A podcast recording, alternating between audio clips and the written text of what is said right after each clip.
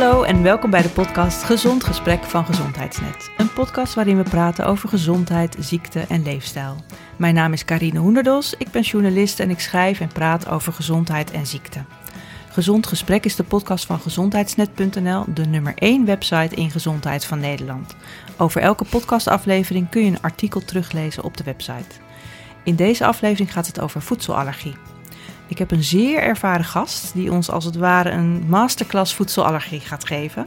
Het is onderzoeker en diëtist Berber Vlieg, die al meer dan 35 jaar mensen met allergie behandelt en die ook gepromoveerd is op dat onderwerp. Dit gesprek vindt plaats in het OLVG in Amsterdam, waar Berber ook onderzoek doet naar voedselallergie. Fijn dat we samen kunnen praten, Berber. Ja, hartstikke leuk. Dank voor de uitnodiging. Ja, nou fijn.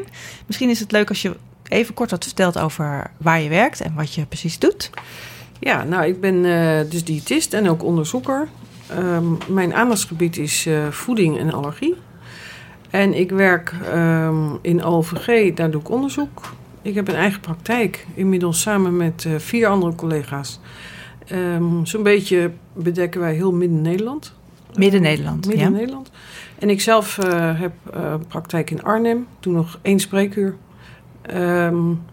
en verder doe ik onderzoek en dat doe ik ja, zowel in OVG als ook in Rijnstaten. En in Rijnstaten heb ik ook een uh, kleine aanstelling um, om ook te helpen bij het opzetten van het uh, Rijnstaten Allergiecentrum. En dan met name het inrichten van de voedselprovocaties. Oké, okay. ik en, hoor hier vier banen zo'n beetje. Volgens mij nou, ben je druk. Of, drie, uh, ja. ja. ja. Nou ja. Saai is het niet. Nee, nee saai is het niet. Nou, mooi. En nou ja, je hebt dus echt onwijs veel ervaring op het gebied van patiënten met allergie behandelen. En, um, en dus ook wetenschappelijk onderzoek daarnaar doen. Dus nou, volgens mij kunnen, kunnen we jou heel veel vragen stellen. En het grappige is, ik, ik stelde dus op Twitter een vraag van... wie heeft er een vraag over allergie? En er kwamen dus heel veel vragen binnen. En een van de dingen waar die naar voren kwamen... is dat mensen het vaak ook niet weten. Van, is het nou een allergie? Is het nou een uh, overgevoeligheid? Dus zou je dat is willen uitleggen hoe dat nou precies zit. Ja. Wat is wat? Ja, allergie is een soort verga- ja, verzamelterm in het Nederlands. Maar eigenlijk is de verzamelterm voedselovergevoeligheid. Dus dat je niet tegen voeding kan. En dat kan door drie manieren eigenlijk komen. Door um, een immuun uh, gerelateerde reacties, dus dat je immuunsysteem erbij betrokken is. En als je dan de klassieke vorm hebt, dan reageer je eigenlijk direct. En dat kennen de meeste mensen wel. Dat, en dat zie je ook veel bij jonge kinderen. Dus dat kindjes direct op melk reageren, of op ei, of op pinda, of op noten. En oudere mensen kunnen dat ook hebben op vers fruit bijvoorbeeld. Dat ze direct in hun uh, mond reageren. Of dat ze moeten spugen of opzwellen of dat soort dingen. Um, nou, je kunt ook een intolerantie hebben. Dat is eigenlijk de tweede vorm. En heel vaak zijn dat verteringsproblemen. Um, eigenlijk kennen we het mechanisme nog niet zo goed. Dus dat wil zeggen dat we nog niet zo goed weten waardoor dat komt.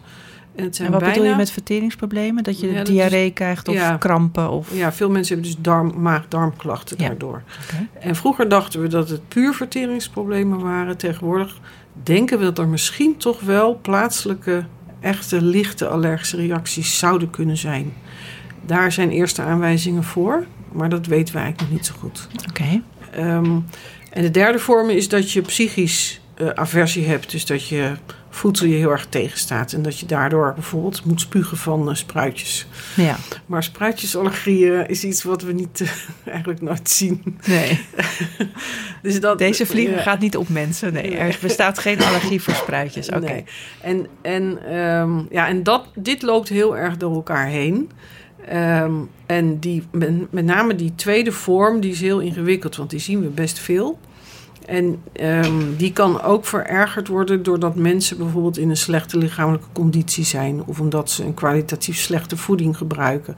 Of omdat hun darmfunctie gewoon niet goed is. Of omdat ze ja, heel erg vatbaar zijn voor infecties en dat soort dingen. En waardoor ze gewoon ja, eerder reageren op voedsel.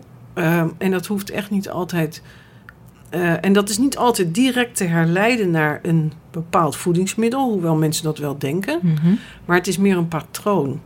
Dus als je dan zorgt dat de functies verbeteren, met name van het maag-darmkanaal en van de gezondheid van de, van de mensen, dan zie je dat die uh, overgevoeligheidsreacties vaak uitdoven. Okay. Ik zeg niet helemaal verdwijnen. En eh, ik zeg ook niet dat er mensen zijn die wel echte uitgesproken intolerantiereacties hebben, maar die heb je absoluut ook. Maar die eerste categorie, die is er best veel. Ja. Ja. Ja, oké. dus aan de ene kant heb je dus een allergie die direct optreedt en Ja. waar het immuunsysteem bij betrokken is. Dan heb je de grotere groep. Wat is, wat is eigenlijk de grootste groep? Ja, dat, de tweede eigenlijk. De tweede, wel. de, van de intolerantie. Mensen die dus Eh, op wat later na het eten klachten Ja. krijgen. En Ja. dat het moeilijk te herleiden is waar Ja. het van komt. En dat, hoeft niet, ja, en dat hoeft niet alleen darmen te zijn. Hoor. Het kan ook zich uitbreiden naar de huid. En soms eh, krijgen mensen ook bijvoorbeeld wat zwelling ergens. Dat, dat kan. Ja. Ehm, maar Dus- dat is heel lastig op te sporen. Ja. En die derde vorm is meer de psychische variant van een aversie tegen. Ja. Oké. En daar gaan we het denk ik even niet over hebben. Dat is Nee. een vak apart. Ja. Bij die tweede groep zie je soms wel hele... Zijn er be- beperkte groepjes eh, uitlokkers bekend... Waarvan mensen heel vaak denken dat, dat dat het is. Maar in de praktijk blijkt dat een, een kleinere rol te spelen. Bijvoorbeeld histamine-intolerantie is iets wat je vast ook wel ja. van gehoord hebt. Heel veel patiënten komen binnen en zeggen... ik, heb, ik denk dat ik last heb van histamine. En wat is histamine voor de Ja. huis? Histamine is een stofje wat je, wat je kunt eten, wat in je eten zit. Dat wordt eh, uit eiwitten eh, gemaakt. Eh, als bijvoorbeeld vis langer ligt, krijg je wat meer histaminevorming uit een bepaald aminozuur. Dat is een onderdeeltje van het eiwit. Maar histamine wordt ook gemaakt in je lichaam. En als je echt allergisch bent, dan reageer je met, dan maak je veel histamine aan, waardoor je klachten krijgt. Mhm. Eh, en het lichaam produceert ook geri- geringe hoeveelheden histamine. Maar mensen denken dat, als, dat ze allemaal allergisch zijn voor histamine, omdat dat dan in hun eten zit en dat dat dan de klachten veroorzaakt. Nou, dat, is, dat relativeren we altijd heel erg, omdat dat, lang niet, dat probleem lang niet zo groot is dat iedereen als, dat denkt. als iedereen denkt. Ja. Ja.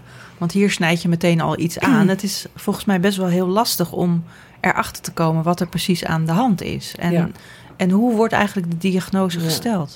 Ja, dat is de puzzel die je maakt. En dat is echt een. eh, als je echt een voedselverdenking hebt, is dat een samenwerking tussen een eh, in allergie gespecialiseerde arts en een diëtist die daarin is gespecialiseerd. Een je- voedselverdenking. Het klinkt ook Ja. een beetje als een soort moordzaak die je, op, eh, die je oplost. precies.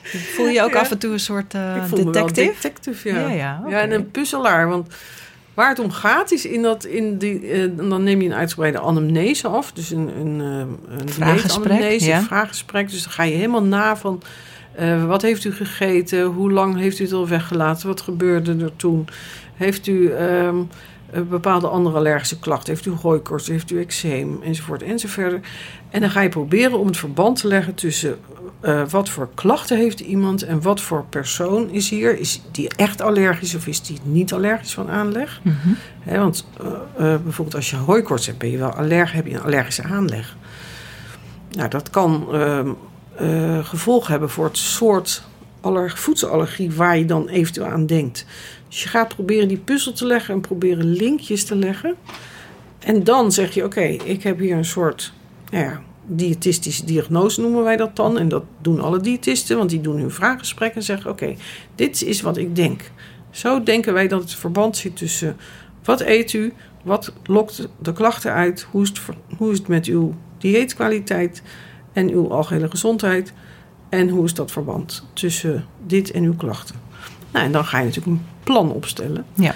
En de dokter doet natuurlijk ook zijn of haar onderzoek. Dus die doet. eh, Wat heeft die voor een allergietesten. instrumenten? Ja, Nou, die- testen? ja, die kan allergietesten doen als die denkt dat dat zinvol is.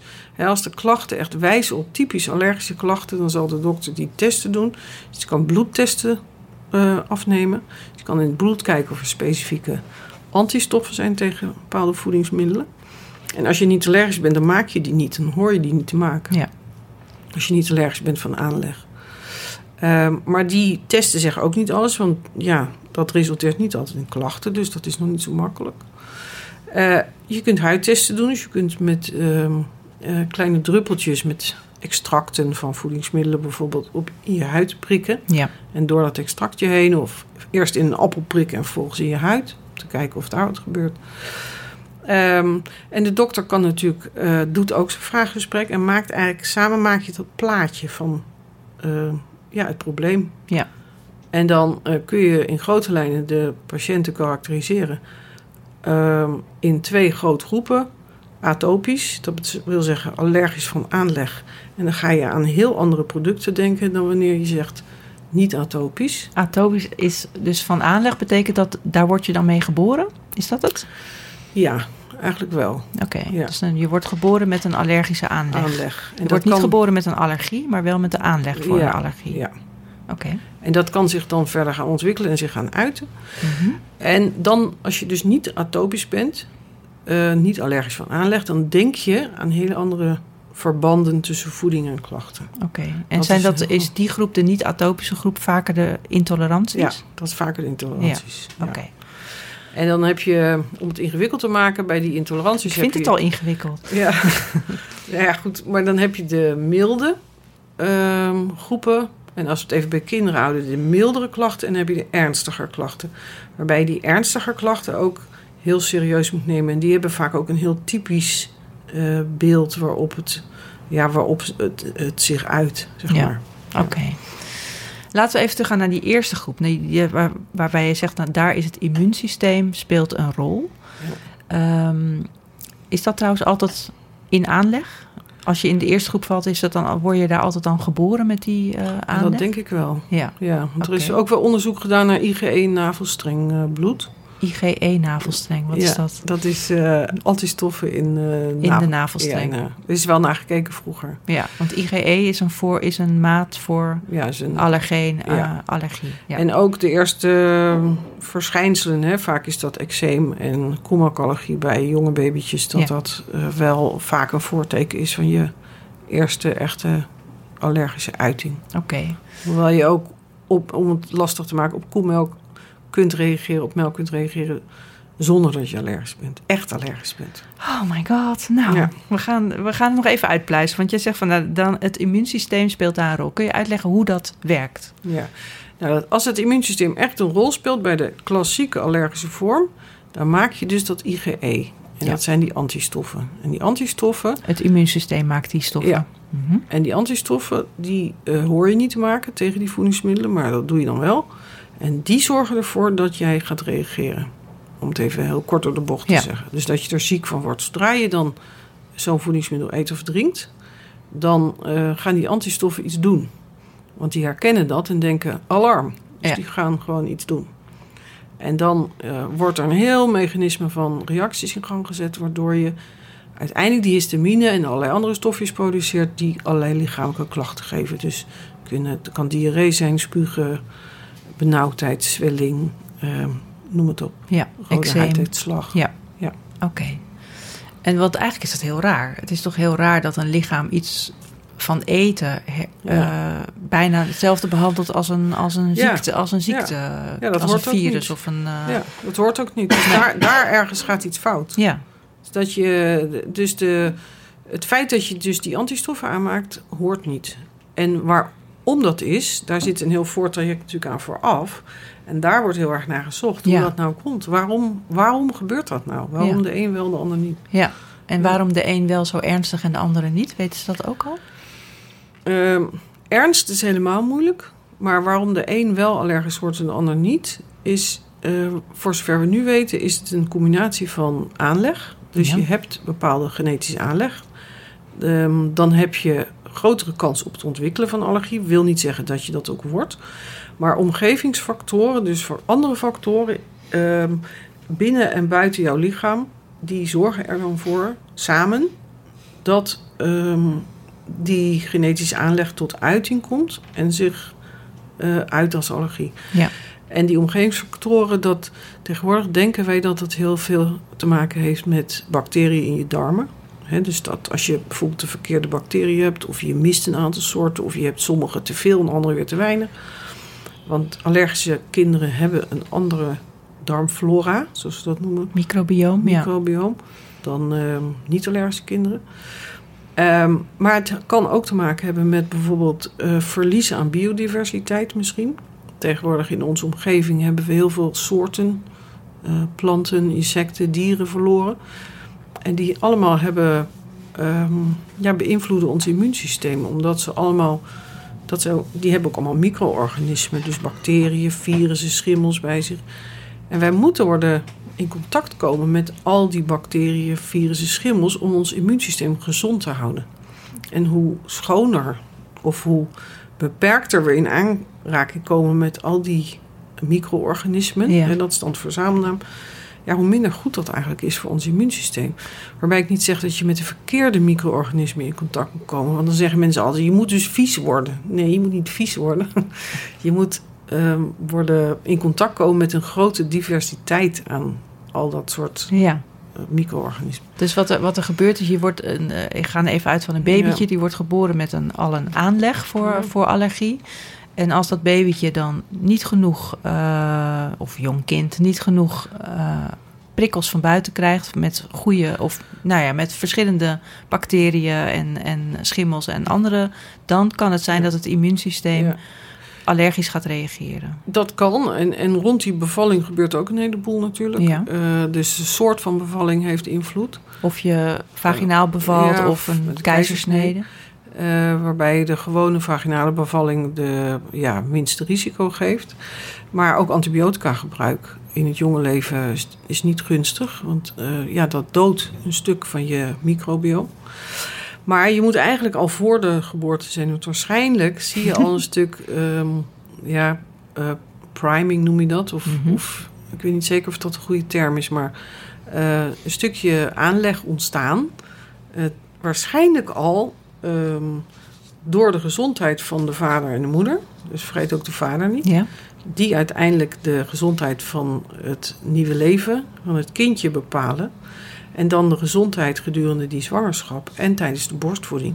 Dat alles geeft ehm, zeg maar een stuk gezondheid of ziekte ook door. Ja. Nou, en daar weten we ook een heleboel gewoon nog niet van. Nee.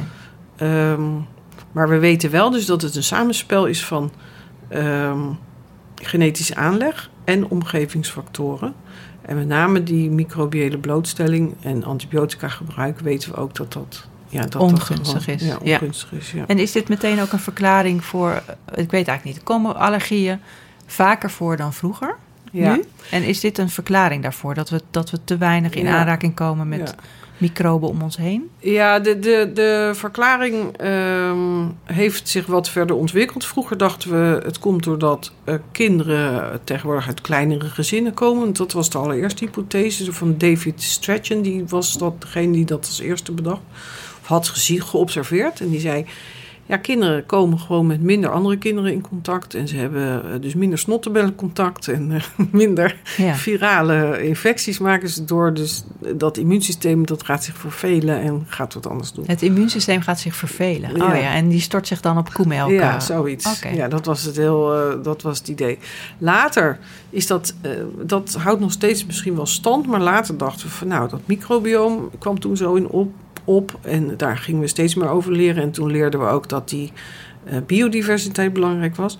Maar er is nog een eh, eh, verklaring mogelijk, eh, en dat is iets van de laatste jaren, is dat door allerlei leef, ehm, ja, chemicaliën, maar ook leefstijl, Ja. ehm, onze barrières worden aangetast. Ehm, en dat gaat heel sluipend. Dus je darmbarrière, dus de, de, zeg maar de, de, het contact, de laag tussen die, die de buitenwereld van de binnenwereld van jouw lichaam afscheidt. En dat is een dunne cellaag. De darmwand De bedoel darmwand, je dan? ja. En daar zit wel een hele dikke slijmlaag op, maar die darmwand die zit daaronder. Maar er zit ook een eh, laag, noem je de epithiellaag. Die zit ook in je longen en het zit ehm, op je huid. Mhm. En door allerlei zeepen en chemicaliën en afwasmiddelen en eh afwasmachinemiddelen enzovoort, dus, dus best grof geschud, Ja. ehm, kunnen daar ook kleine verstoringjes in komen. Dus eigenlijk weer een beetje dat leaky gut idee. Leaky Ehm, gut, de lekkende darm. Lekkende darm. Ja. Eh, dus dat je kleine ehm, openingetjes krijgt in die, in die wand. Ja. En hetzelfde kan in de huid gebeuren. En wellicht ook in de longen. Daar weet ik niet En als er dan zo'n kleine opening is in de darm, ik kan me voorstellen dat, dat Ja. er dan bijvoorbeeld weer koemelk in de darm zit, Ja. dan kan er een stukje koemelk Ja, uit de darm lekken naar. zou dan te snel in contact kunnen komen met het immuunsysteem wat daarachter Oké. ligt. Maar nogmaals, dat, dat is een Dit zijn gedachte. allemaal hypothe- hypotheses. Ja en, en we weten ook niet precies wat de kip of het ei is. Eh, maar je kunt je voorstellen dat als er wat verstoringen komen, dat je eerder allergie ontwikkelt. En dat weten we dus wel bij eczeem, want eczeem is gekenmerkt door een verhoogde huidbarrière, omdat eczeem is een verlaagde ontsteking. huidbarrière eigenlijk? Of nou ja, de Eh, barrière wordt minder. Ja, verla- ik zeg het fout. Ja. Ja. Ik geloof heel, heel scherp. Eh, dus je, je hebt een eh, verstoorde barrière. Ja. Dus je hebt een eh, stoffen kunnen eerder naar binnen. Omdat eczeem toch een ontstoken huid is. En een hele droge huid. En die, die barrière is verstoord. En we weten nu tegenwoordig, als je die jonge kinderen ehm, ehm, met eczeem hebben een verhoogd risico op voedselallergie. Eh, en als je dat eczeem niet goed behandelt, nog eens een keer extra. Dus dat eczeembehandeling is heel belangrijk. Omdat er dan via Ja. dat, die, die open stukjes huid... dan Ja. makkelijk allergenen Ja. naar binnen kunnen komen... en dan die allergische reactie op kunnen roepen. Ja, hier hebben we ook een, een keer een podcastaflevering over gehad... met eh, een kinderdiëtist, Olga. Ja. Eh, dus als je daarin geïnteresseerd bent... dan eh, kun je daar nog even naar luisteren. Ehm, dus al met al zijn er best wel veel factoren... die ervoor kunnen zorgen dat een allergie kan ontstaan Ja. bij jonge kinderen. Hè? Dus Ja. wat jij zei, eh, om te beginnen de aanleg, maar ook hoeveel microben zijn er in de omgeving. Ik weet volgens mij dat er, als je op een boerderij opgroeit, heb je minder kans op een allergie dan als je eh, op een flat in, eh, in de Bijlmer opgroeit. Ik noem maar even wat. Nou, weet ik eigenlijk niet. Maar noem, noem Nou, de precies de Bijlmer. zie je meer. In de eh, stad? In de stad. ja. Ehm, eh, en plus nog al die andere eh, stoffen die wij eh, met zeep en andere Ja. producten die ervoor kunnen zorgen dat onze barrières, de kwaliteit van onze barrières afneemt, waardoor allergieën meer Ja. voorkomen. Ja, en, en waarschijnlijk ook chronisch, andere chronische immuunziekten. Ja. eh, eh, denk Dus het is niet alleen allergie. Ja. Ja. Oké. En ehm, als het dan voorkomt, gebeurt dat dan altijd op je hele jonge leeftijd? Echte voedselallergie Ja. Ontstaat meestal in de eerste levensjaren. Mhm. Ja, vaak wel onder het jaar. Ja. Ehm, maar je ziet een tweede golf zie je ontstaan ehm, als mensen hooikoorts ontwikkelen. Ja. Ehm, en dan krijgen ze vaak eh, allergieën voor eh, fruit en noten. Omdat je eh, die eiwitten in dat fruit en die noten, die lijken heel erg op de eiwitten in de boompollen of de gaspollen. En het lichaam maakt dan, maakt dan geen onderscheid meer. Dus die kan dat niet meer zo goed. Ja. En ge- reageert dan vaak eerst op de berkenbomen bijvoorbeeld. En ehm, die bloeien in februari, maart. En ehm, dan hebben ze hooikoorts. En na verloop van tijd zie je dat ze vaak ook... eh, we noemen dat een secundaire allergie ontwikkelen. Dus als gevolg van die berkenpollenallergie of van graspollenallergie... Hè, wat, die bloeien iets later. En dan zie je dat er allergieën ontstaan bij berken voor fruit en noten. En voor gras kan het voor pinda zijn of voor tomaten of voor eh, bepaalde groentes. En vaak is dat eh, veel minder ernstig dan eh, de klassieke allergenen op de jonge leeftijd. Oké. Dus die tweede, die secundaire allergie, we noemen dat ook kruisallergie. Dat zijn allergieën die uiten zich door jeuk in de mond, Mhm. ehm, tranende ogen, niezen, een beetje opgezette lippen. Ja. Soms ook als, je, als mensen flink dooreten en ze negeren die signalen, dan krijgen ze, kunnen ze echt wel een opgezette keel ook krijgen. Dus meestal zeggen we dat je niet echt het moet forceren en te veel moet dooreten. Maar het is niet zo erg dat je zegt van dit mag je nooit meer eten, deze appel of deze... nou, een hele deze- appel raden we dan vaak niet aan. Want je kunt het wel aardig eh, luxeren, dus Ja. uitlokken, zeg maar, Ja. zodat het echt erg wordt. Eh, dus mensen kunnen het vaak wel verhit eten. Of vaak ook, wat ook helpt, is eh, fijn pureren in een smoothie eten. Dan Als ze het niet zo heel erg hebben, dat lukt dan vaak ook nog wel. Ja, En ehm, eh, ja, dus het zijn de betere vormen. Ja. Dat lukt vaak. oké. Ehm, ik wil nog even vragen van die hele ernstige reacties. Dat, dat, hoor, je, dat hoor je wel eens, hè? dat mensen sterven Ja. eh, aan een Ja. anafylactische shock. Ja? Wat gebeurt er dan? En, Ehm, ja, als, het- als dat gebeurt, dan hebben ze ehm, een klassieke allergie. Dus ze maken die, die antistoffen. Die eh, reageren dan massaal. Hè? Ja. Dus massaal gaan je cellen dan in je lichaam reageren, waardoor je eh, bloeddrukdaling krijgt. Of mensen worden heel erg benauwd. Dat kan ook, of allebei. ja, En vaak hebben ze ook nog huidreacties, dus dat ze helemaal rood worden of opzwellen. En dan, eh, met name die bloeddrukdaling is natuurlijk heel gevaarlijk, want Ja. dan raak je bij en hoe komt dat dan? Omdat dan alle vaten open Ja, gaan staan ja, en dan... Ja, Oké, en dat eh, bloed trekt natuurlijk ook eh, weg dan. Ja, En dan, uit de hersenen en Ja, uit... En, ja. en hoe ontstaat... Hoe kan dat, hoe kan dat gebeuren? ja, ernst voorspellen, ja, doordat je het, e- het voedingsmiddel eet. Dus je Mhm. bent al allergisch, dus het, die cellen liggen klaar om te reageren. Dus op het moment dat je het binnenkrijgt, een pats. Eh, maar waarom de een op een heel klein beetje reageert en de ander op meer... en waarom de een zo heftig reageert en de ander minder heftig... daar hebben we heel slecht een antwoord op. Hmm. Eh, we weten alleen dat bepaalde ehm, omstandigheden wel de ernst kunnen verergeren. Als je bijvoorbeeld heel moe bent, nou ja, je weet zelf, als je moe bent, dan kun je, eh, of je hebt volwassenen lekker aan de chikker gezeten, Ja, dan kun je, eh, nou, dan heb je kans dat je de volgende dag erger reageert Ja. als je het binnenkrijgt. en waarom is pinda zo berucht Ja. hierin? Omdat pinda vaak ernstige reacties geeft. Maar wat mensen niet weten is... eh, ja, dat is nou eenmaal de aard van het, het allergeen. Want je, je, eh, je doodt het ook niet. Nee. Ehm, door verhitting of door zuur. Dus als je het opeet, wordt het ook niet doodgemaakt in je maag bijvoorbeeld. Het overleeft, want het is een heel sterke eiwit. Ja. Eh, appel gaat dood in je maag, zeg maar, dat eiwit. Oh, dus het allergeen, Dus het, eiwit in pinda is sterker Ja. dan het eiwit in een appel. Ja. Dus bij, daardoor kun je bij een appel, bij die smoothie nog wel, wel wegkomen. Bij die overgevoeligheid. Dat is natuurlijk wat Ja. anders dan die allergie. Maar, ja, eh, want die verdwijnt al een beetje door het contact, doordat je het fijn maakt. Oxy- Ja. dus, dus reactie met zuurstof. ehm, Mhm. ehm, en dan het zuur in de maag. En dan, Ja, maar Nou. pinda, nee, pinda niet, dus dat blijft. ja, En noten ook trouwens. ja, Ehm, dus en een aantal bijvoorbeeld vis ook. Dat is, dat is vrij hittestabiel. ja. Eh, dus dat heb je niet snel weg. Maar in ieder geval, eh, waarom de een dan zo ernstig reageert en de ander minder ernstig, dat is een groot raadsel. Ja. Ehm, het heeft wel iets te maken met hoeveel IgE je hebt. Dus antistoffen, daar heeft wel iets mee te maken, maar verklaart ook niet alles. Nee.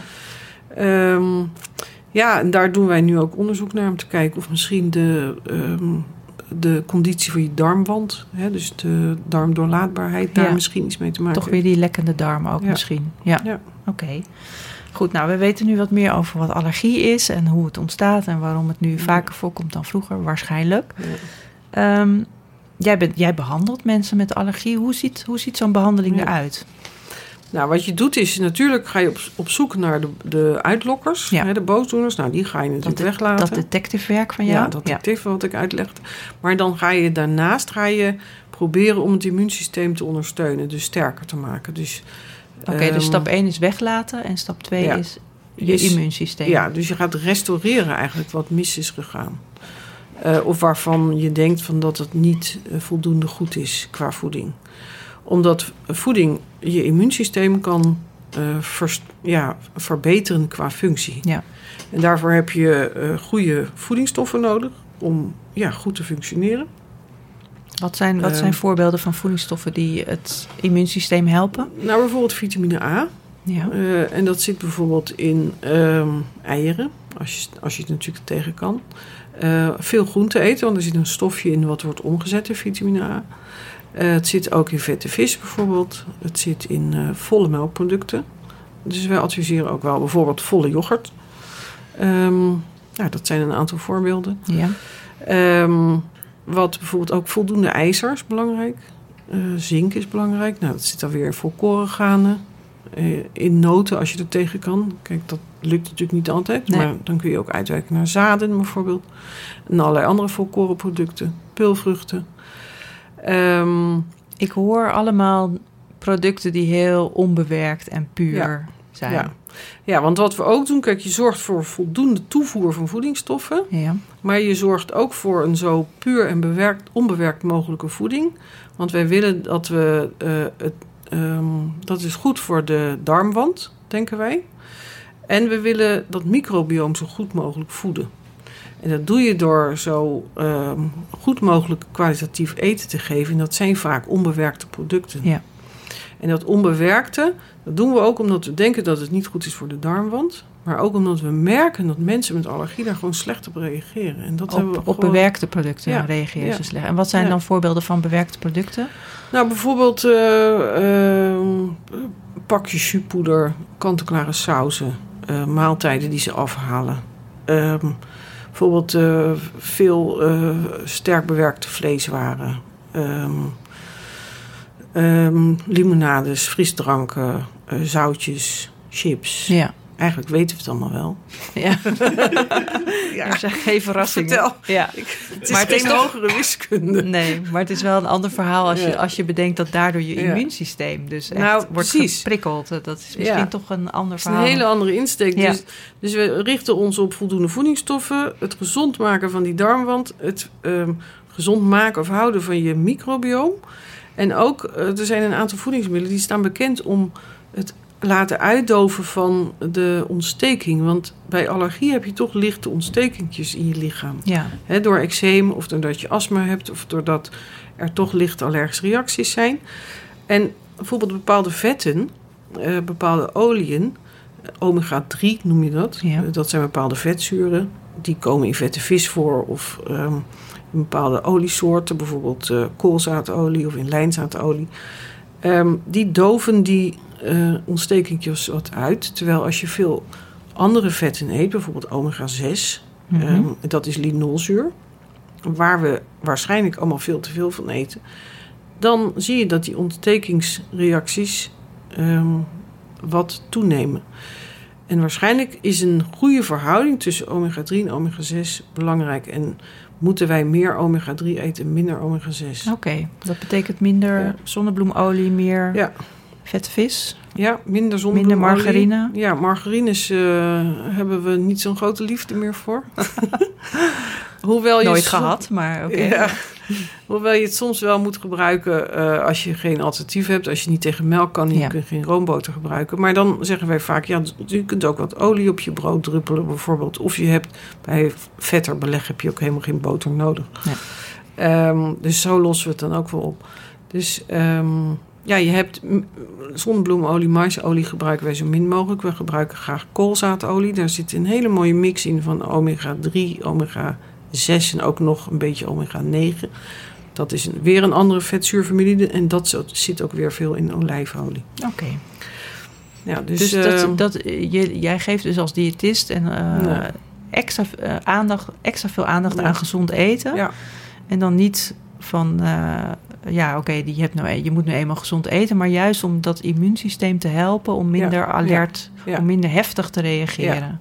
En, en merk je ook in de praktijk dat dit werkt? ja, dat merk ik. Ja. Hoe merk je dat? ja, doordat mensen minder klachten hebben als ze terugkomen. Ja, dus het is behalve dat allergeen weghalen, waarbij natuurlijk sowieso de klachten al minder worden. Ja. Is dat Ja. niet genoeg? Nee, want soms heb je ook mensen bij wie je niet een echt allergeen kunt vinden. Ja. Ik heb een aantal keren mensen gehad die vergingen van de jeuk. En ehm, niemand kon, kon wat vinden. Ze wisten echt niet wat het was. En ten einde raad komen ze dan bij mij en dan zeggen ze: Ja, is het geen voedselallergie? Nee, het is geen voedselallergie. Eh, omdat dat was uitgesloten. Mhm. De dokter had al het nodige onderzoek gedaan. En als je dan alle vragen afneemt, dan denk je: Nou, dit is niet een klassieke allergie. En dan zeg ik: Ja, we kunnen het proberen, maar we kunnen ook kijken of we eh, die eh, ontstekingsremmende voeding kunnen geven. Eh, om, want waarschijnlijk is, u, is uw huid toch licht ontstoken. Dat zie je dan niet, maar waarschijnlijk is dat wel de oorzaak Ja. van de jeuk. Nou, ik heb een paar keer echt mensen, nou, die konden mij wel omhelzen, want jeuk weer was nou, verdwenen. jeuk is erger dan pijn, toch? Ja. Hoor je wel eens? Ja. Ja. Dus ik, en dat soort voorbeelden, weet je, eh, zijn er gewoon meer. Dat mensen ook zich gewoon vele malen beter voelen. Ook wat darmklachten betreft of wat algeheel welbevinden betreft, wat fitheid betreft. Eh, Ze voelen zich gewoon veel beter. ja. En ik zeg niet dat ik iedereen kan helpen, want sommige eczeem bijvoorbeeld reageert gewoon niet op voeding. Dat, dat, die be- belofte kan ik echt niet waarmaken. Nee, nee, maar je, Ja. je denk, denk je wel dat er mensen rondlopen die eh, he- hebben geaccepteerd van... oké, ik mijn lijf reageert nu eenmaal af en toe zo, zus en zo... maar dat die misschien ja, met de juiste voeding... dat zou heel goed kunnen, ja. Ja. Want leefstijl bij allergie is echt nog een, een ondergeschoven kindje. Terwijl je ziet bij bijvoorbeeld chronische darmziekten dat het wel veel meer aandacht krijgt. Krijgt het bij allergie nog nauwelijks aandacht. Dus een gegeven moment hebben wij gedacht, eh, ik niet alleen maar met een paar collega's met mij, ehm, we moeten hier gewoon veel meer aandacht aan besteden. Dus we hebben dat nu ook eh, in onder- onderzoeksverband gegoten. Dus eh, om ja, om bewijs te verzamelen. En we hebben onze uitgangspunten voor een gezond, ontsteek, immuunondersteunend dieet bij allergie hebben we nu helemaal ehm, in een eh, publicatie verwerkt. En die gaan we volgende week aan een tijdschrift aanbieden. Dus we Oh. hopen Wat spannend. dat het, eh, ja... En wat voor, wat voor onderzoek ga je dan doen? Om te Ja. kijken of, die, of Ja. die uitgangspunten werkelijk effect hebben? Ja, dat gaan we doen bij kinderen met pindaallergie. Oké. En we gaan kijken of de darmdoorlaatbaarheid verandert. Dus eh, we meten dat met een suikerabsorptiedrankje. Dus er zijn bepaalde suiker, suikers die ehm, je ook terugvindt in urine. En als je, eh, je darm meer doorlaatbaar is, vind je het natuurlijk meer terug in de urine. En dat doen ze dan voor en na dieet. Nou, Oké. En dan ehm, gaan we kijken of dat dieet helpt. En we gaan ook kijken of het helpt op hun allergische klachten. Dus dat zijn eigenlijk twee dingen die we gaan En doen. wanneer ga je dat doen? Dat is net begonnen. Dat is net begonnen. Ja. En wanneer gaan we dan weten wat eruit komt? nou, En wetenschap heeft altijd zo'n lange adem ja, nodig. Hè? dat ja. duurt. Ik, ik, ja, we moeten 110 kinderen ehm, in de studie hebben. ja. En nog een 20 controles. Ehm, dus dat duurt nog wel anderhalf jaar, twee jaar denk ik. Voordat we het echt allemaal bekeken hebben. Maar stel dat er Ja. iemand luistert met een kind met pindaallergie, kan die zich aanmelden? Of? Ja, dan, dan, ehm, maar dan moet, het wel, moet hij wel via de dokters gaan, via de kinderartsen van of eh OLVG, Ja. of Rijnstaten, of het Erasmus, of Noordwest Ziekenhuisgroep Alkmaar. Want Die werken allemaal mee. ja, maar het kind moet wel een bewezen pinda- of noodallergie hebben. Dus die, eh, en dat moet met een provocatie zijn vastgesteld. Want we willen zeker weten dat we het hebben over kinderen met een pinda- of Ja. noodallergie. Oké, Dus dat is wel de voorwaarde. goed. En je kunt natuurlijk ook niks beloven. Hè? Je kunt Ik niet nee, beloven dat nee, het beter nee. gaat. En, Nee. nee. nee, noem maar op. Oké. En wat misschien nog een beetje ondersneeuwt eh, qua goede voedingsmiddelen, dat zijn de gefermenteerde producten. Dus de producten eh, die. Wat eh, zijn dat? Gefermenteerde producten? Ja, dat, dat zijn producten die je bijvoorbeeld laat rijpen of door zuur ehm, laat, ehm, zich laat ontwikkelen. Bijvoorbeeld yoghurt of kaas. Of zuurdesembrood? Of zuurdesembrood of eh, zuurkool of tegenwoordig bier. ja. Maar dan moet je het niet weer naverhitten. Hè? Dus Ja. eh, dan, eh, dan is het nog wel een beetje goed, maar lang niet zo goed. Dus je moet het wel vers gebruiken. Dus, ehm, de zuurkool of kimchi tegenwoordig. Oh ja. Maar ook bijvoorbeeld eh, ehm, dingen met veel schimmels. Hè? Schimmelkaas of paddenstoelen, olijven. Wat is daar goed aan? Ja, nou, al die bacteriën en al die schimmels, die eet je op. En vanaf het moment dat je ze in je mond stopt, hebben die contact met je immuunsysteem. Want je immuuncellen zitten in je hele maag-darmkanaal. En daar zitten je meeste immuuncellen van je hele lichaam. Dus je krijgt dan vanaf dat moment krijg je contact tussen voeding, hè, die bacterie, die schimmels en dat immuunsysteem. En dat immuunsysteem wordt dan constant geactiveerd. En waar we eigenlijk mee begonnen was te zeggen dat we moet, ons immuunsysteem moet in contact komen met schimmels en bacteriën. Ja. Ook is het dit zo dat ons ja. immuunsysteem zich een beetje verveelt als het, eh, als het allemaal te clean en te, en te hygiënisch is? Of is dat te kort door de bocht? Ja, ik denk dat het kort door de bocht is, maar ik denk dat het verkeerd wordt aangestuurd. Ik denk dat het de verkeerde kant op wordt gestuurd.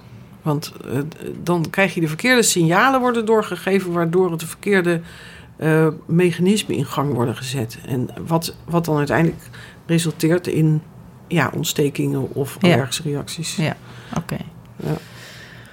Dus eh, jouw behandeling bestaat uit eerst onderzoek van eh, wat, waar is iemand allergisch of waar is iemand overgevoelig voor. Dan dat, eh, die, dat allergeen weglaten, maar dan tegelijkertijd ook zorgen dat de voeding heel hoog van kwaliteit wordt. Ja. Zodat het immuunsysteem wordt Ja. verbeterd. En is dit nou iets wat je dan vervolgens je hele leven lang moet doen? Of kunnen mensen ook over een allergie of Ja. over, over een overgevoeligheid Ja. groeien, Ja. heen groeien? Ja, allergieën kunnen verdwijnen. Hè. We weten allemaal dat kindjes over hun koemelkallergie heen kunnen groeien. Ei, allergie voor ei verdwijnt vaak met een jaar of drie, vier. Hoe komt dat eigenlijk? Ehm, weten we niet. Is dat, is dat omdat het Ehm. immuunsysteem dan wat... Ja, dat, dat- het is typisch voor een bepaald allergeen. Kijk, een pindanotenallergie blijft vaak langer bestaan. Hm. Ehm, we weten wel... ja, als je het niet behandelt, weten we ook niet zo goed hoe het komt dat iets eerder verdwijnt dan ehm, waarom, de een, waarom het verdwijnt. Nee. Oké. Moet ik even goed nadenken of, ik, of het waar is wat ik zeg. Misschien denken we als je kleine hoeveelheden binnenkrijgt... ehm, die je nog verdraagt, dat dat helpt om je tolerantie op te bouwen. Dus dat je het beter... Als een soort training. Ja, dat je je immuunsysteem traint. Ja. En dat, dat, eh, dat lijkt redelijk te lukken. En daar zit ook wel heel veel ehm, toekomstmuziek in. Maar er, ja, daar lopen ook wel weer studies over. Maar ja, we weten het eigenlijk niet zo goed. Het, Nee. het hangt ook een beetje van de aard van het, van het voedingsmiddel af. Ehm, en het is een soort natuurlijk beloop, zoals we zeggen. Je ziet op kinderleeftijd dus die voedselallergieën... en dan later zie je die, de, de hooikoorts en de astma ontstaan. Ehm, en dan eh, zie je eh, later in het leven kunnen die, die secundaire allergieën... dus die kruisreacties ontstaan. Dus die, voor die fruit en noten en sommige groenten... dus meer de plantaardige producten. Ja, Ehm, ja, dat is een goede vraag. Dus hoe dat komt. dat weet je gewoon. Nee. Nee. nee. Nee. Maar het kan zijn dat, dat je een dieet je hele leven lang vol moet houden. Ja, dat vroeg je, ja. Ja, Ja, kijk, als je ziek bent, moet je natuurlijk eigenlijk overdrijven, wil je beter worden. Dus je moet dan eh, extra je best doen om eh, te genezen. Als je eenmaal in goede conditie bent, kun je best, eh, ja, dus wat zijstapjes maken. Ja. Niemand eet altijd perfect. Ehm, doe jij en ik ook niet. nee. Maar je moet wel voldoende vaak kwalitatief goed eten, wil je je gezondheid onderhouden. Ja. Als je ziek bent, moet je dat extra goed doen. Dus dan kun je je ook nog niet zo permitteren om daar buiten te stappen. Mensen komen ook vaak terug en zeggen, nou, dat, dat is me niet goed bevallen. Ik had een man die had, eh, laatst was die op mijn spreker, die had veel klachten, allerhande klachten, ook darmklachten en huidklachten. En eh, die ging prima. Ehm, en die ging toen eh, op vakantie. En die dacht, nou, eh, ik vergeet het maar even. Ja. Maar hij is er wel van teruggekomen. Want hij zei, ja, ik voelde me totaal niet meer lekker na een week. Nee. Dus weet je, dat kan hij zich dan nog niet permitteren. Dat was geen echte allergie. Dat waren meer die intoleranties. Maar hij zal in de loop der jaren best wel wat meer zijstapjes kunnen maken. Ja. En andere allergie, echte allergieën, ja, dan zal je eraan moeten houden of je reageert gewoon. Tenzij je onder je hoeveelheid blijft waarop je reageert. Dus dat, dat, daar experimenteren we nu ook best heel veel mee. ja, omdat daar- het dus ook gunstig kan Ja, zijn om een dat beetje te, mee te spelen. Ja. Ja. Maar ja, hoe je dat kan sturen, dat is nog een goede vraag. Ja. Ja. Ja. Maar waarschijnlijk zo, zo, op jonge leeftijd, dat weten we wel, zo snel mogelijk en zo, eh, zo snel mogelijk weer proberen in te voeren. En dat werkt ook. Ja. Ehm, Dus niet te lang wachten met bijvoeding en nee. snel pindakaas Ja. geven. Maar behandelen is iets anders dan preventie. Hè? Dus Ja. preventie is voorkomen. Dus, ja, ik vroeg dus- nu naar behandeling, ja. inderdaad. Ja, En dan, en dan zeg jij van nou, de inzichten zijn wel een beetje veranderd. Hè? Dat, je, dat je wel iets proberen meer... de grenzen op te zoeken. Precies, ja. Terwijl vroeger was het Ja, zero niet- beleid. Ja. En dat proberen we zonder dat het gevaarlijk is. Want Ja. dat kan natuurlijk ook gevaarlijk worden. Ja. Dus daar is natuurlijk best discussie over. En nu proberen we al mensen die milder reageren... toch wel weer wat terug te geven. Ja. Terwijl preventie, het voorkomen... ja, dat, dat weten we nu... Dat je dat op jonge leeftijd echt wel kan. Ja. Door op tijd eh, pinda en bijvoorbeeld ei te geven... en ook het eczeem te behandelen. En als je koelmelkallergie hebt... zo snel mogelijk weer proberen weer wat terug te gaan Ja. eh, geven. Ja. En daar hebben we dan ook eh, bepaalde melkladders voor. En dat doen we Ja. ook niet bij elke vorm van allergie. hè. Als kinderen echt eh, dat, die klassieke vorm hebben, dan doen we dat nog niet. Maar bij die andere vorm, die intolerantie, doen we dat zeker zo vlot mogelijk. Oké, Ja. dus dat zijn, dat zijn wel dingen Ja. die zijn veranderd in de loop van de, van de tijden. Ja. Ja. En ehm, jij bent druk bezig met onderzoek, dus jij volgt volgens mij ook alle vakliteratuur op het gebied. Mhm. Wat, is er, wat is er nog meer veranderd de afgelopen tijd en wat verwacht jij nog? Waar, waar wordt nu veel onderzoek naar gedaan? Ehm, nou, ik verwacht veel van orale immuuntherapie. Orale Ja. immuuntherapie, Ja, wat, dus is dat, dat? Je, dat je eigenlijk eh, ehm, onder medisch toezicht eh, aanvankelijk, eh, als je echt allergisch bent, kleine op, in oplopende dosis kleine hoeveelheden van het allergeen krijgt. Oké, Om net zoals je uiteindelijk bij hooikoorts soms hebt of bij... Ja. ja. En wat, wat heel succesvol is bij hooikoorts of bij, bij eh, andere huisstofmijtallergie, krijgen mensen druppels onder de tong of ze krijgen injecties. En dat, daar wordt nu met voeding steeds meer eh, aandacht aan besteed. Oké, Eh, het lijkt het meest succesvol te gaan zijn bij hele jonge kinderen. Dus hoe jonger je begint, hoe meer succesvol. En als je later begint, dan bereik je vaak wel dat kinderen een bepaalde hoeveelheid verdragen. Maar of, of oudere kinderen of volwassenen, maar je moet het dan blijven eten. En Oh ja. stop je dat dan, komt het weer terug. En dat, Dus- is, en je moet het dus regelmatig blijven eten. Ja. Dus en dat lijkt vooral bij oudere kinderen zo te zijn. En bij jongere kinderen lijkt het ja, zijn de eerste aanwijzingen dat dat wellicht, dat je dan echt geneest. Oké. Dus dat zou natuurlijk heel mooi zijn. Ja, ja, Ja. want een, eh, laten we daar wel eh, duidelijk over zijn. Een allergie is natuurlijk heel vervelend. Ja, ja. Het is, eh, Het is vooral niet leuk. het is vooral niet leuk. Nee, Nee. precies. En dus, dan, dus- dus dat is de ontwikkeling dat er nu meer wordt gekeken van hoe kun je het voorkomen? Hoe kun je zorgen dat kinderen niet allergisch worden? Ja. Preventie wordt heel erg op ingestoken. Ja. Op die behandeling, actieve behandeling. Eh, nou, mijn aandachtsgebied is echt die immuunondersteunende voeding. En ik hoop dat dat zich, als we dat bewijzen, dat zich dat ook gaat uitrollen. Ja. Ja, en ehm, waar toch ook wel echt naar gekeken wordt, is, is ehm, ehm, hoe kunnen we ernst voorspellen? Ja. Hè? En du- dus, want dat is nog steeds heel erg moeilijk. En we zien ook nieuwe vormen van allergie. Dat is ook zo raar. Oh ja? We zien eh, bepaalde slokdarmallergieën. En dat heeft een hele moeilijke naam. Ik weet niet of je Welke wil horen. Ja, tuurlijk. Ja. Ik ben er klaar voor. Ja. Eh eosinofiele oesophagitis. Oké. Dus dat betekent slokdarmontsteking, dat is oesophagitis, door eosinofielen. En dat zijn bepaalde cellen van het immuunsysteem die daar dan veel zitten en daar de eh, ontsteking veroorzaken. Nou, dat zien Is dat we. nieuw? Nou, niet heel nieuw, maar het neemt wel eh, Toe. toe. En dat zie je met name bij jongvolwassenen ontstaan. En wat, eh, ik kan me voorstellen dat Ja. dat pijnlijk is, een ontstoken slokdarm. Ja. ja, en heel lang merken mensen het niet dat het er zit. Maar op een gegeven moment wordt de slokdarm stug. En krijgen ze moeite met, het, ehm, Het- met de passage van eh, eten. Vooral draderig eten of korrelig eten of heel droog eten blijft dan gewoon steken. Hmm. En dat is niet leuk, Nee. op zijn zachtst gezegd. En eh, mensen gaan er veel drinken of eh, ja, gaan heel erg lang goed kauwen of Of vermijden, dat vermijden, producten, ja. ja. En ehm, ja, dan uiteindelijk komen ze een keer bij de dokter en dan wordt het hopelijk gevonden. Dat kun je alleen maar vinden door van binnen te kijken met een scopie. Dus dat is iets wat we zien. En waar is, waar is men dan allergisch voor? Of is het gewoon een, een vorm, een klacht? Het gekke is dat voeding daar best wel een grote rol bij speelt. Dus eh, met name melk en eh, gluten of tarwe, dat weten we ook nog steeds niet, Ja. spelen een rol. Het lijkt er wel op alsof wat je veel eet, eh, die allergie onderhoudt of veroorzaakt. Daar zijn we ook nog niet uit. Oké. Maar goed, dat is een, dat is een onderwerp apart. Ja. Maar goed, dat zien we. En wat we ook zien bij jonge kinderen is een hele ernstige maag-darmreactie.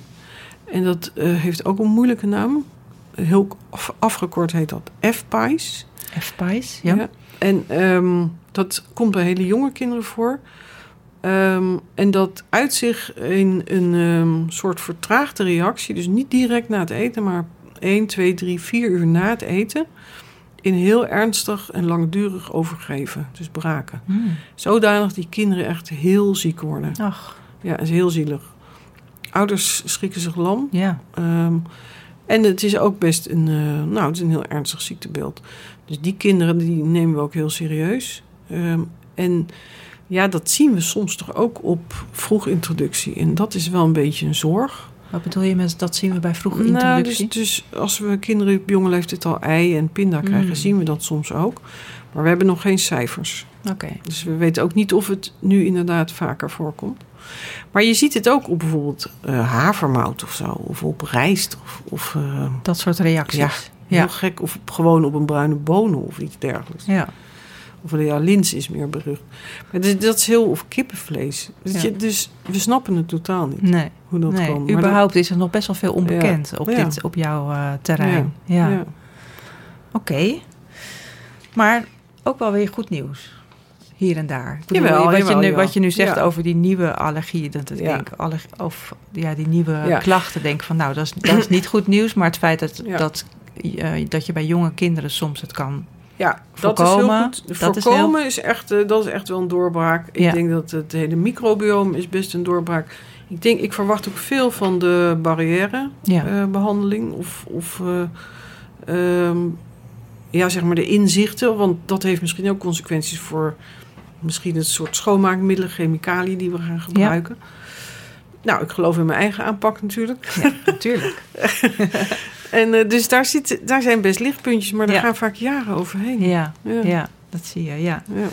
En stel nou, je luistert deze podcast en je denkt, nou ja, jeetje, ik heb inderdaad wel vaak maagklachten na, nadat ik dit eet. Of ik heb toch het gevoel dat ik hier niet zo Ja. goed tegen kan. Ja. Wat moet je dan doen? Ja, nou heel vaak, je begint al vaak met, iedereen weet eigenlijk wel wat, nou niet precies, maar in grote lijnen wel wat gezond eten is. We weten allemaal, als we, wat we net zeiden, te veel chips eten, de hele dag frisdrank drinken, eh, te weinig groente en fruit eten, eh, te veel afhaalmaaltijden gebruiken. Mhm. Nou, dat is niet zo goed voor onze gezondheid.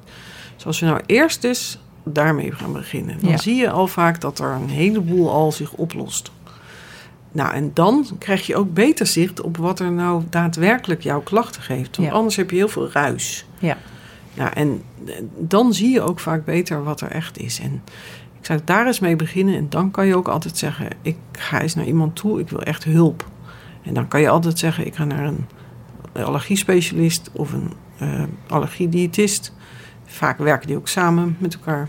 En werken die altijd in hulp. ziekenhuis? Nou, jij hebt dan de eigen praktijk. Nee, ze zitten ook in eigen praktijk in het Ja. land verspreid. En er is ook een diëtistennetwerk, eh, dat heet DAVO. Ehm, en daar zijn ook allemaal diëtisten bij aangesloten. Het worden er ook steeds meer gelukkig, die eh, ja, goed allergieën kunnen behandelen. Eh, kinderen en volwassenen, dus daar kunnen ze terecht.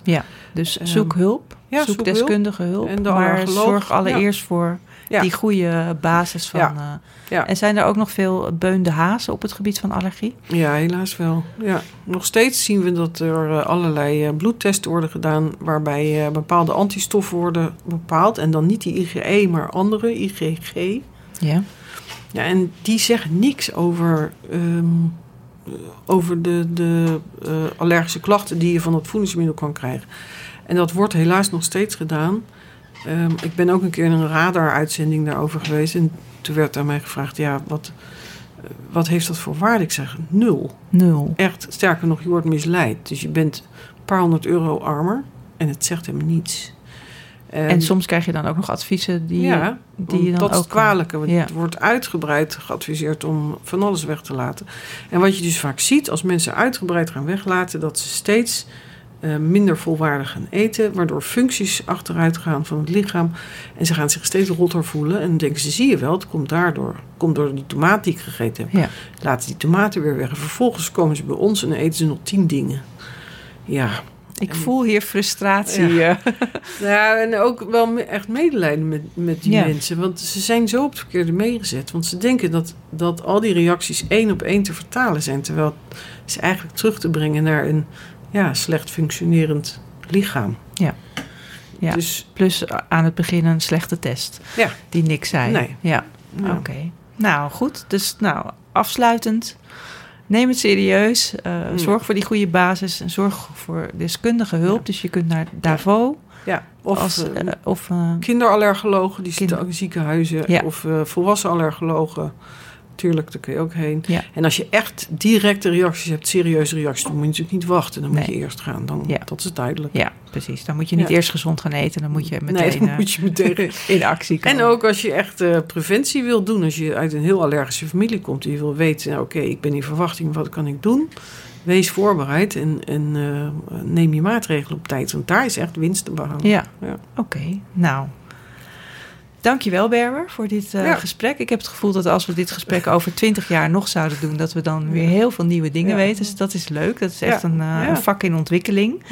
En eh, ook al werk jij er al ruim 30 jaar in... ik zie nog steeds aan je glinsterende oogjes... dat je het nog steeds heel leuk vindt en, is inter- en interessant. Dus dat is... ja, het intrigerende is dat je zo vreselijk ziek kan worden van eten, maar er ook zo beter van kan worden. En dat is het mooie daarvan. Hè? ja, Ja. ja dat- mooi. ja. Dankjewel voor dit mooie gesprek. Ja.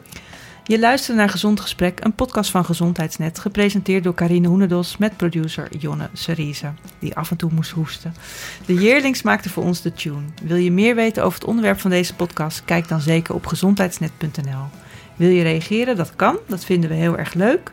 Je kunt reageren via Vriend van de Show. Gewoon een high five geven, een opmerking achterlaten of een extra vraag aan onze gast stellen. Alles kan. Vriend worden van Gezond Gesprek kan ook al voor 1,50 per maand. Kijk op Vriend van de Show en zoek naar Gezond Gesprek. We zijn verder heel blij als je deze podcast deelt, bijvoorbeeld onder je vrienden of via social media. Dan kunnen meer mensen onze podcast vinden. Tot de volgende keer, tot het volgend Gezond Gesprek.